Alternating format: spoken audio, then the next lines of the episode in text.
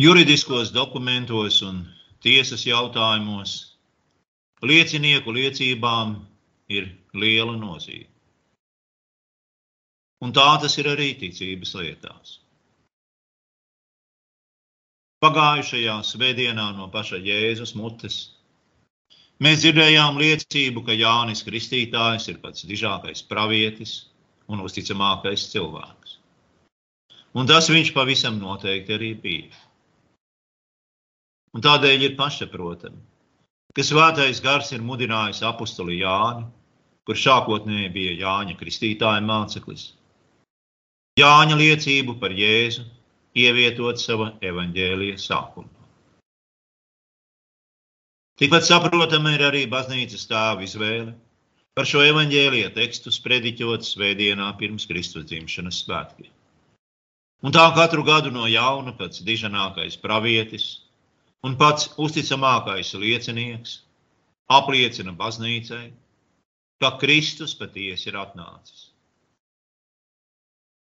Un ja mēs vēlamies uzzināt patiesību un nostiprināt to savā sirdī, tad mēs tiekam aicināti uzklausīt šā liecinieka liecību. Un šī ir Jāņa liecība. Kad jūdi no Jeruzalemes sūtīja pie viņa priesterus un levītus, lai viņam jautātu, kas tu esi. Viņš stingri apliecināja, es neesmu Kristus.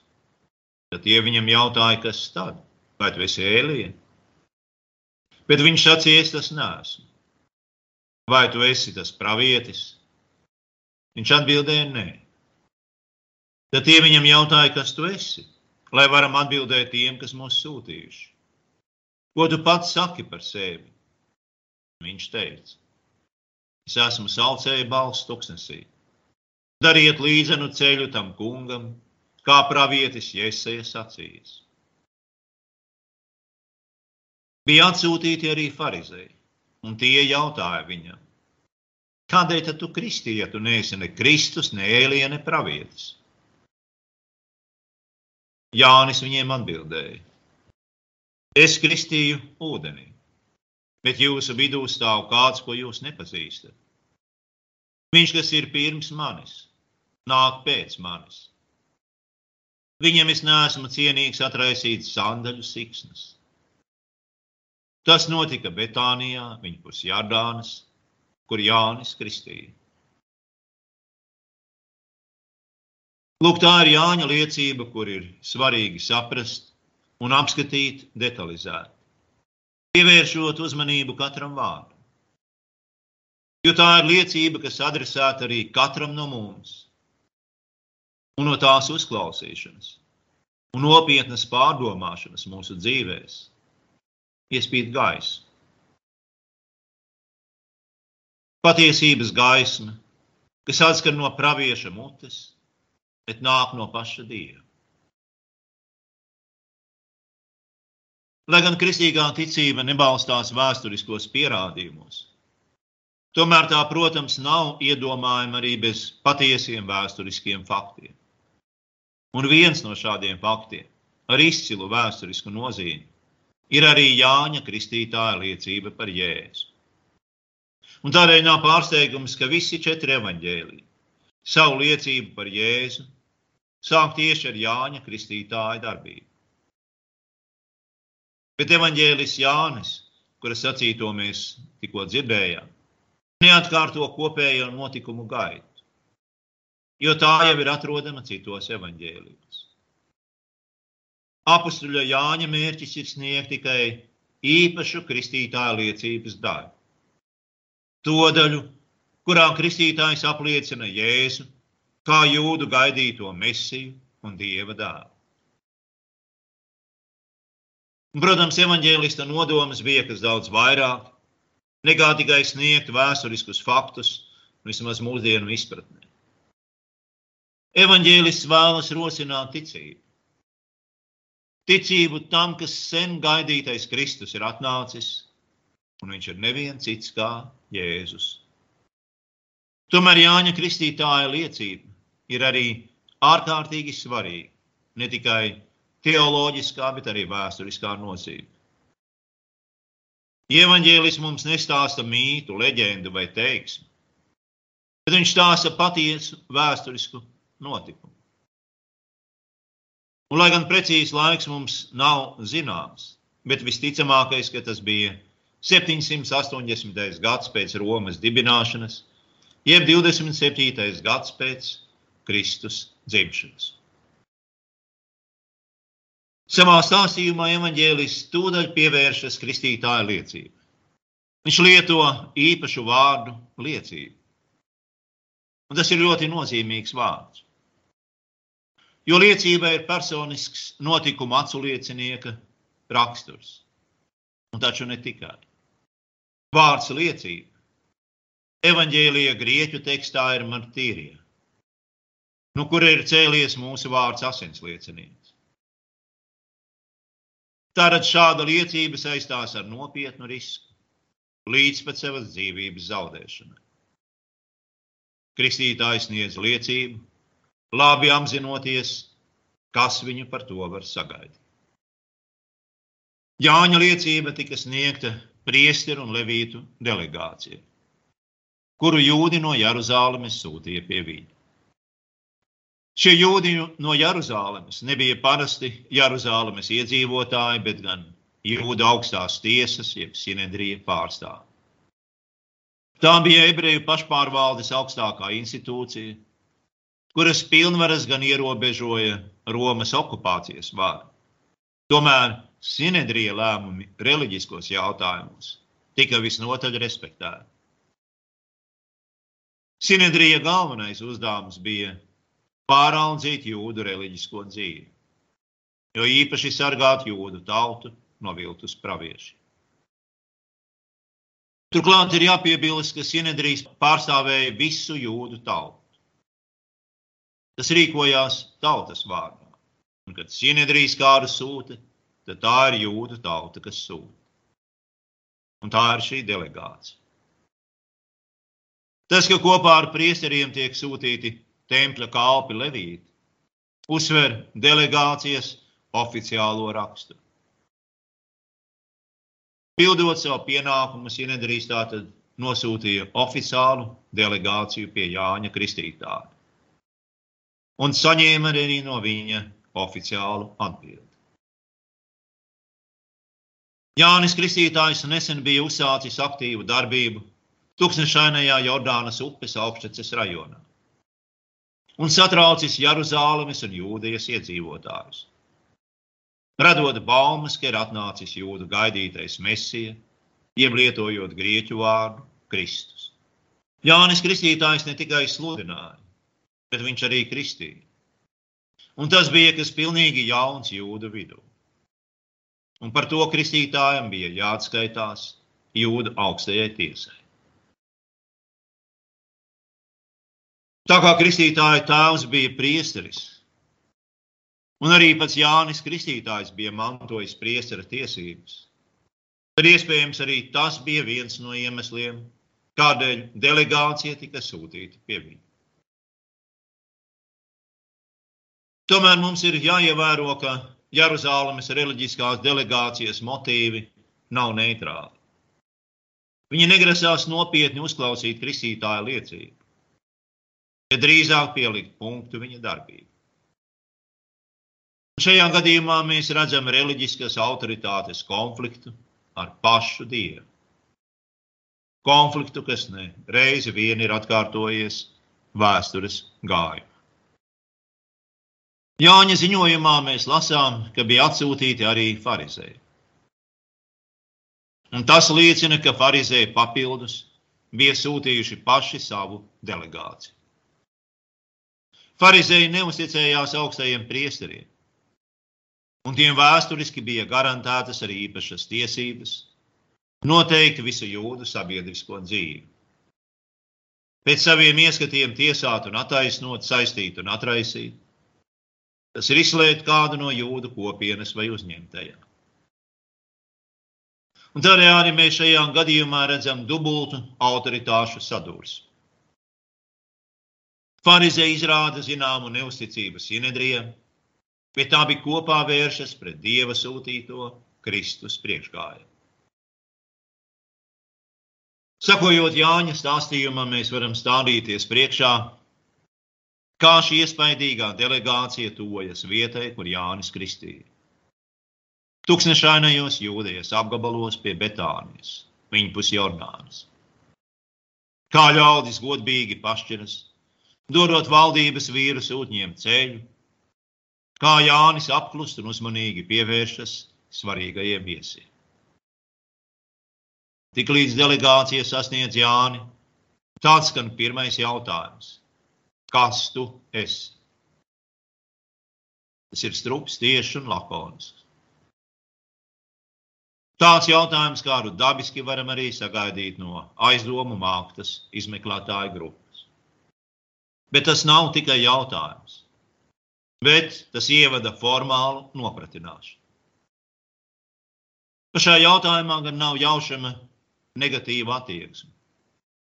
Bet tas vienkārši ir tieši tehnisks jautājums, ar kuru iesākas oficiāla nopratināšana. Un jautājums burtiski skan: tu, kas tu esi? Šāds jautājums ir raksturīgs jūdiem, jo viņiem ir svarīga tieši persona. Un tādēļ jautājums sākas ar personu. Liekot personas vietnieku vārdu tu jautājumu sākumā tu, kas tu esi. Jūdu delegācijas satraukums ir labi saprotams. Viņi uzskatīja, ka Kristus būs politiska rakstura mesija, kurš atnesīs grandiozas pārmaiņas jūdu politiskajā dzīvē un atjaunos jūdu tautas politisko varenību. No evaņģēlista Lūkas mēs uzzinām, ka jūdu tautā tobrīd jau valdīs uzskats, ka Jānis Kristītājs ir gaidāmais Mesija, jeb Kristus. Labi apzinoties jautājumu būtību, Jānis tūdaļ noliedz jebkuras pretenzijas, ka viņš varētu būt Kristus un Dieva svaidītais. Īsi un lakoniski Jānis atbild: Es neesmu Kristus. Nu, tas ir tas, kā kristītāju vārdus uztvēra evaņģēlists Jānis kurš saka, es pats dzirdēju viņu apliecinājumu un nekādā mērā nenoliedzam. Tas ir tas, ko kristītājs apliecināja. Tad evanģēlijs raksta, ka kristītājs nevis vienkārši atbildējis, bet apliecinājis un nav noliedzis. Kristītāja vārdi nebija tikai atbildi, bet tas bija patiesi stingrs apliecinājums. Un tas raksturo visas viņa atbildes uz delegācijas jautājumiem kopumā. Evanģēlis mums šeit atstāsta tiešu notikumu gaitu, ko viņš pats vērojis kā aculiecinieks, jo viņš bija Jāņa Kristītāja māceklis. Kristītāja liecība norāda, ka viņš ir labi sapratis jūdu delegācijas jautājumu būtību. Bez kādas vārstīšanās viņš atbild pēc būtības. Es neesmu Kristus. Nu, tas ir tas, ko jūs vēlējāties zināt. Kas tad? Vai tu esi ēlija? Sako nākošais pratinātāja jautājums. Šis jautājums sakņojas pēdējos vecā derības vārdos, kur bija apsolīts, ka pirms mesijas nākšanas tiks sūtīts viņa priekšpēcnesis, Ēlija. Lai gan Jānis bija šis priekšpēcnesis, viņš nāca Ēlijas garā. Un tomēr viņš atbildēs, es neesmu. Un tas ir saistīts ar to veidu, kādā farizēji uzdod šo jautājumu. Proti, viņi atkal domā par personu, un Elijas atgriešanos saprot burtiskā nozīmē. Kā izcilā jūda pravieša fizisku atgriešanos šeit uz zemes. Viņus tā tad interesē pati persona, bet pavisam neinteresē, vai Jānis Kristītājs darbojas pravieša Elijas garā, pauzams dieva gribu. Un tādēļ atbildēdams uz šo jautājumu burtiski, Jānis saka nē. Bez liekas vilcināšanās seko nākamais jautājums. Vai tu esi tas pravietis? Jautājums nav, vai tu esi pravietis vispār, bet tas ir jautājums par īpašo Mūzes apsolīto pravieti par ko mēs dzirdējām vecās derības lasījumā. pravieti, kuram ir jānāk pirms Kristus. Arī šis jautājums balstījās pārpratumā. Mūzes bija apsolījis, ka Dievs dos jūda tautai pravieti lielāku par viņu. Un ar šo pravieti Mūzes bija domājis pašu Kristu. Bet jūdi viņa vārdus bija pārpratuši un gaidīja kādu īpašu pravieti, kurš ievadīs mesijānisko jeb Kristus laikmetu. Un tādēļ Jānis arī uz šo jautājumu ir spiests atbildēt noliedzoši. Nē. Viens īsts vārds, viņa atbildes kļūst ar vien īsākas un strupākas. Izkropļotu priekšstatu dēļ Jānis nevar pieņemt Elijas vārdu. Jo kaut arī viņš ir diženākais no visiem praviešiem, viņš nav Elija būtiskā nozīme, bet gan viņš nāk Elijas karā. Un tāpat viņš arī noliedz, ka būtu gaidāmais pravietis, par kuru bija runājis Mūzes. Jo Mūzes bija runājis nevis par Kristus priekšgājēju, bet gan par pašu Kristu. Un tādēļ Jānis Kristītājs noliedz gan to, ka viņš ir Kristus, gan arī to, ka viņš ir gaidāmais pravietis. Nedaudz samulsuši prieseru delegācijas vīri turpina izjautāt Jāna Kristītāju. Nu, kas tu esi? Mums taču ir jādod kāda atbilde tiem, kas mūs sūtījuši. Un arī šoreiz Jānis nekavējas ar tiešu atbildi. Es esmu vēstneša balss, kas tūkstnesī sauc, sataisiet tā kunga ceļu, kā pravietis Jēzus sacīs. Attiecinādams uz sevi diženā vecā derības pravieša Jēzus vārdus, Jānis apliecina, ka viņš ir tieši Kristus priekšvēstnesis vienlaicīgi sacīdams, mana paša persona šeit ir maznozīmīga. Jūs uztraucaties par personu, par ēliju, par mūzes apsolīto pravieti. Jūs uztraucaties par ārēju varu un pilnvarām, bet nevis par saturu. Nav svarīgi, kas es esmu. Svarīgi ir tas, ko es saku un uz ko es norādu. Nu, līdz ar to oficiālās delegācijas jautājumi ir izsmelti, un savu jautājumu var uzdot farizēju pārstāvju. Būdami likuma burta kalpi, viņi tūdaļ, protams, sāk runāt par likumiem un tiesībām. Jāņem vārdu saturs viņus interesē maz. Kas par balsi, kas par tūkstnesi. Daudz vairāk tie satraucas par iespējamo likuma pārkāpumu. Kādēļ tad tu kristīji, ja tu neesi ne Kristus, ne Elija, ne pravietis? Kas tev devis tādas tiesības? Šādi farizēji pauž arī savu nepatiku pret paša Jāņa kristību. Jo Jānis kristīja grēciniekus. Farizēji sevi uzskatīja par svētiem. Viņiem šāda kristība šita pilnīgi nevajadzīga, pat apvainojoša. Un arī šoreiz Jānis nekavējas atbildēt pēc būtības. Viņš negrasās iedziļināties juridiskās niansēs, bet saka to, kas ir pats svarīgākais. Viņš saka, lai gan man nav cilvēku izsniegtas atļaujas un pilnvaru, es tomēr kristīju ar ūdeni, jo man ir atļauja no kāda cita. No kāda, kas ir daudz, daudz lielāks par jums. Jūs viņu nepazīstat, es viņu pazīstu. Ja jūs būtu pazinuši viņu vai vēlētos viņu iepazīt, jūs nevaicātu, kas man devis tiesības kristīt, bet paši būtu steigšus nākuši pie manis kristīties. Tas, kurš devis man varu kristīt, ir tik liels, ka es neesmu cienīgs pat atraisīt viņa kurpju snikstas. Ar šiem vārdiem Jānis pilnīgi oficiāli un publiski apliecina, ka vecajā derībā apsolītais un praviešu sludinātais Kristus ir atnācis. Un tā ir atbilde, kas ir tikusi sniegta no priestera jūdu augstajai tiesai. Jūdiem tātad tas ir oficiāli apstiprināts un zināms. Jānis jau bija kristījis Jēzu. Viņš bija jau redzējis Dieva garu, kā balodi nolaižamies uz viņu. Un viņš saka, neraugieties nākotnē, viņu vairs nav jāgaida. Viņš ir jau klāt un mīt mūsu, tas ir jūdu tautas vidū. Esiet modri un nenoguliet viņa atnākšanu. Tādēļ, ka jūs viņu nepazīstat, es esmu nācis, lai jums viņu parādītu.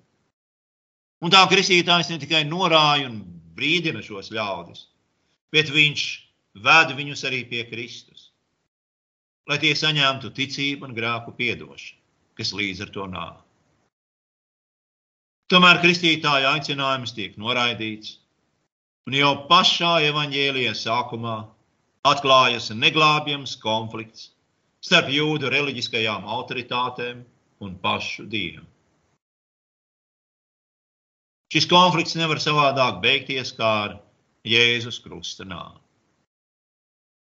Jau senie filozofi bija sacījuši, ka maksa par pilnīgi taisnu svētu dzīvi tādā cilvēku sabiedrībā, kāda ir atrodama šajā pasaulē, visticamāk būs nāves soda.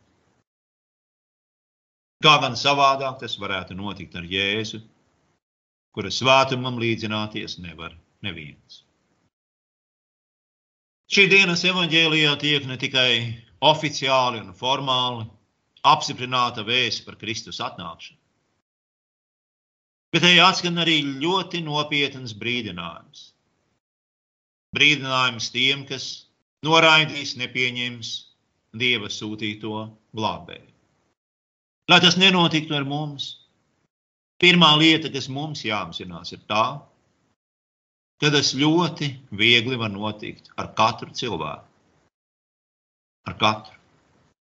Un tas nav atkarīgs no mums pašiem. Kā to saprast? Tas jāsaprot tā, ka pēc savas dabas mēs ne ar ko neesam labāki par jūdu augstās tiesas pārstāvjiem, farizējiem. Mēs neesam labāki pat par nodevēju jūdas un visiem tam līdzīgiem cilvēkiem. Tas nozīmē, ka mūsu dabai Jēzus atnākšana vispār ir vienaldzīga. Bet tad, ja jautājums kļūst īsti aktuāls, tad viņš mums kļūst nīstams. Mums nav nekas pretī pret savu iedomu Jēzu, pret mīļo Jēzuliņu, Nekas iebilstams pret viņa mīļo jauko tēlu, bet īstais Jēzus. Persona ar dievišķu varu un autoritāti. Tāds, kāds viņš ir patiesība. Mūsu daba ir nīstams. Mūsu vecais cilvēks, mūsu kritusī cilvēka daba mūsos, nav tikai vienaldzīga pret Dievu, bet tā viņam arī aktīvi pretojas un sastopoties ar viņa prasībām sāk viņa no sirds nīst. Un šajā sakarībā nesteidzieties ar iebildumiem. Nesakiet, nu, uz mani jau tas neatiecas. Jo var iznākt tieši tāpat, kā iznāca Pēterim. Kurš tūdaļ pēc tam, kad bija zvērējis Jēzu mūžīgu uzticību, viņu trīs reizes dievodamies aizliedz. Tādēļ daudz labāk būs, ja mēs apzināsimies savas dabas samaitātību, savu baismīgo grēka pagrimumu, kas ir nemitīgi klātesoši mūsu dzīvēs. Ko tas nozīmē? Tas nozīmē vienu.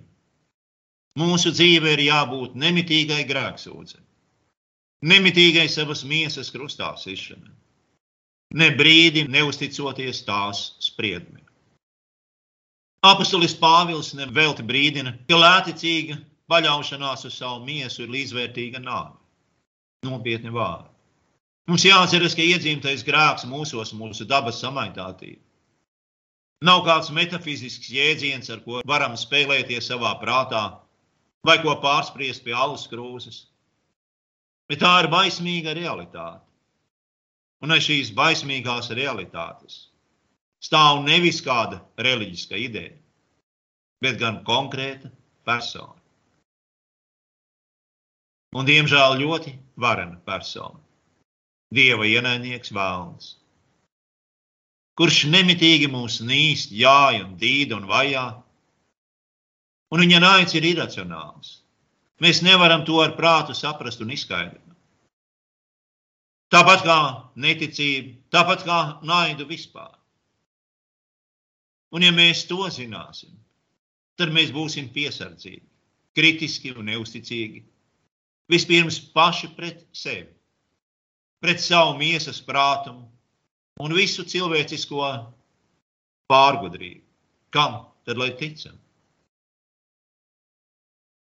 Mums, protams, ir jātic savam glābējam Kristum un tādiem vīriem kā viņa priekšgājējs Jānis Kristītājs, kurš dod liecību par viņu.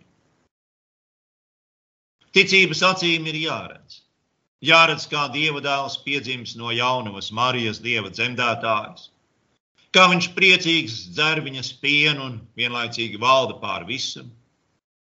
Ir jātic tam, ka viņš bija pirms Jāņa un pēc viņa. Ir jātic tam, ko lasām evaņģēlijos, ka viņš pieaug, un viņa dievišķā gudrība, taisnums un svētums arvien vairāk atklājas viņa dzīvē, kaut arī viņš vienlaicīgi ir patiesa dievs. Tā ir dzīve, kuru viņš dzīvo priekš mums, mūsu labā. Nevis lai mēs spekulētu un meklētu tajā pretrunas, bet lai beigu beigās viņš varētu dzīvot mūsos liekot mums piedzimt no jauna un dzīvot jaunu dzīvi. Mēs ne tikai neesam cienīgi atraisīt viņa kurpes siksnu, bet mums, mūsu vecajam cilvēkam, tāpat kā Jānim, arvien vairāk ir jāiet mazumā, lai jaunais cilvēks varētu augt. Kristum ir jākļūst mūsos ar vien lielāk. Viņam ir jāaug ar vien vairāk katru dienu no dienas līdz mēs sasniegsim dieva dēla pilnību. Vecais cilvēks, lai nevalda pāri jums, mudina apustulis. Jo jūs kristībās esat miruši, un jūsu dzīve līdz ar Kristu ir apslēpta Dievā. Tas viss ir viņa diženais darbs, pestīšanas darbs no sākuma līdz beigām. Bet mums, mums ir jāpaliek savā ticībā stipriem un nesatricināmiem. Mēs nedrīkstam novērsties no evaņģēlijā dotās cerības. Un tad, tad mēs vairs nebūsim mazgadīgi bērni, kas cilvēku viltus spēlē, viņu viltīgās rīcības piekrāpti, tiek šurpu turpu svaidīti, padodamies katram mācības vēja. Atcerieties, kā pagājušajā svētdienā Kristus raksturoja Jāni Kristītāju. Vai jūs redzējāt niedri, kas šurpu turpu lokās vējā? Tā vietā dzīvosim un augsim Kristus mīlestībā, kas darbodamies mūsos ar savu brīnišķīgo vāru, spēj darīt daudz vairāk par visu, ko lūdzam vai saprotam. Un no Jāņa Kristītāja mums ir arī jāmācās apliecināt Kristu. Ne tikai ticēt, bet arī apliecināt savu ticību. Neizcelt sevi, nepaukstināties un nedomāt, ka esam kas īpašs neaugt pēc slavas un goda, kas mums nepienākas, neuzskatīt sevi gudrākus par citiem, bet stāstīt cilvēkiem par to, ko viņi nepazīst. Par viņu glābēju Jēzu Kristu. Un mums nav jābaidās, ka mūs nesapratīs, atraidīs, nicinās. Jo mēs taču nesludinām paši sevi, bet Jēzu Kristu krustā sistumā. Vieniem viņš ir pazušanas, bet citiem glābšanas smarža. Vieniem piedaudzība un apgrēcība, bet citiem dieva spēks pestīšana. Tad, nu, lūk, mēs sludinām, lai šī glābšanas smarža un dieva spēks pestīšanai pieaugtu ar vien vairāk, sasniegtu ar vien vairāk cilvēku. Tad šī dienas evaņģēlijas mums māca, ka Kristus patiesi ir atnācis. Tas māca mums pareizi sagaidīt viņa dzimšanas svētkus. Un zināt, ka Ziemassvētkos mēs svinēsim nevis salgriežus, nevis kādas reliģiskas idejas vai jauka cilvēka, bet paša dieva dēla dzimšanu no jaunavas Marijas, kurš mūsu pestīšanas laba. Viņas klēpī ir cilvēks tapis. Un to apliecina pats uzticamākais liecinieks visu cilvēku vidū Jānis Kristītājs. Un tāpat kā viņam, arī mums ir uzticēts diženais pienākums būt par Kristus lieciniekiem šajā pasaulē. Āmen! Música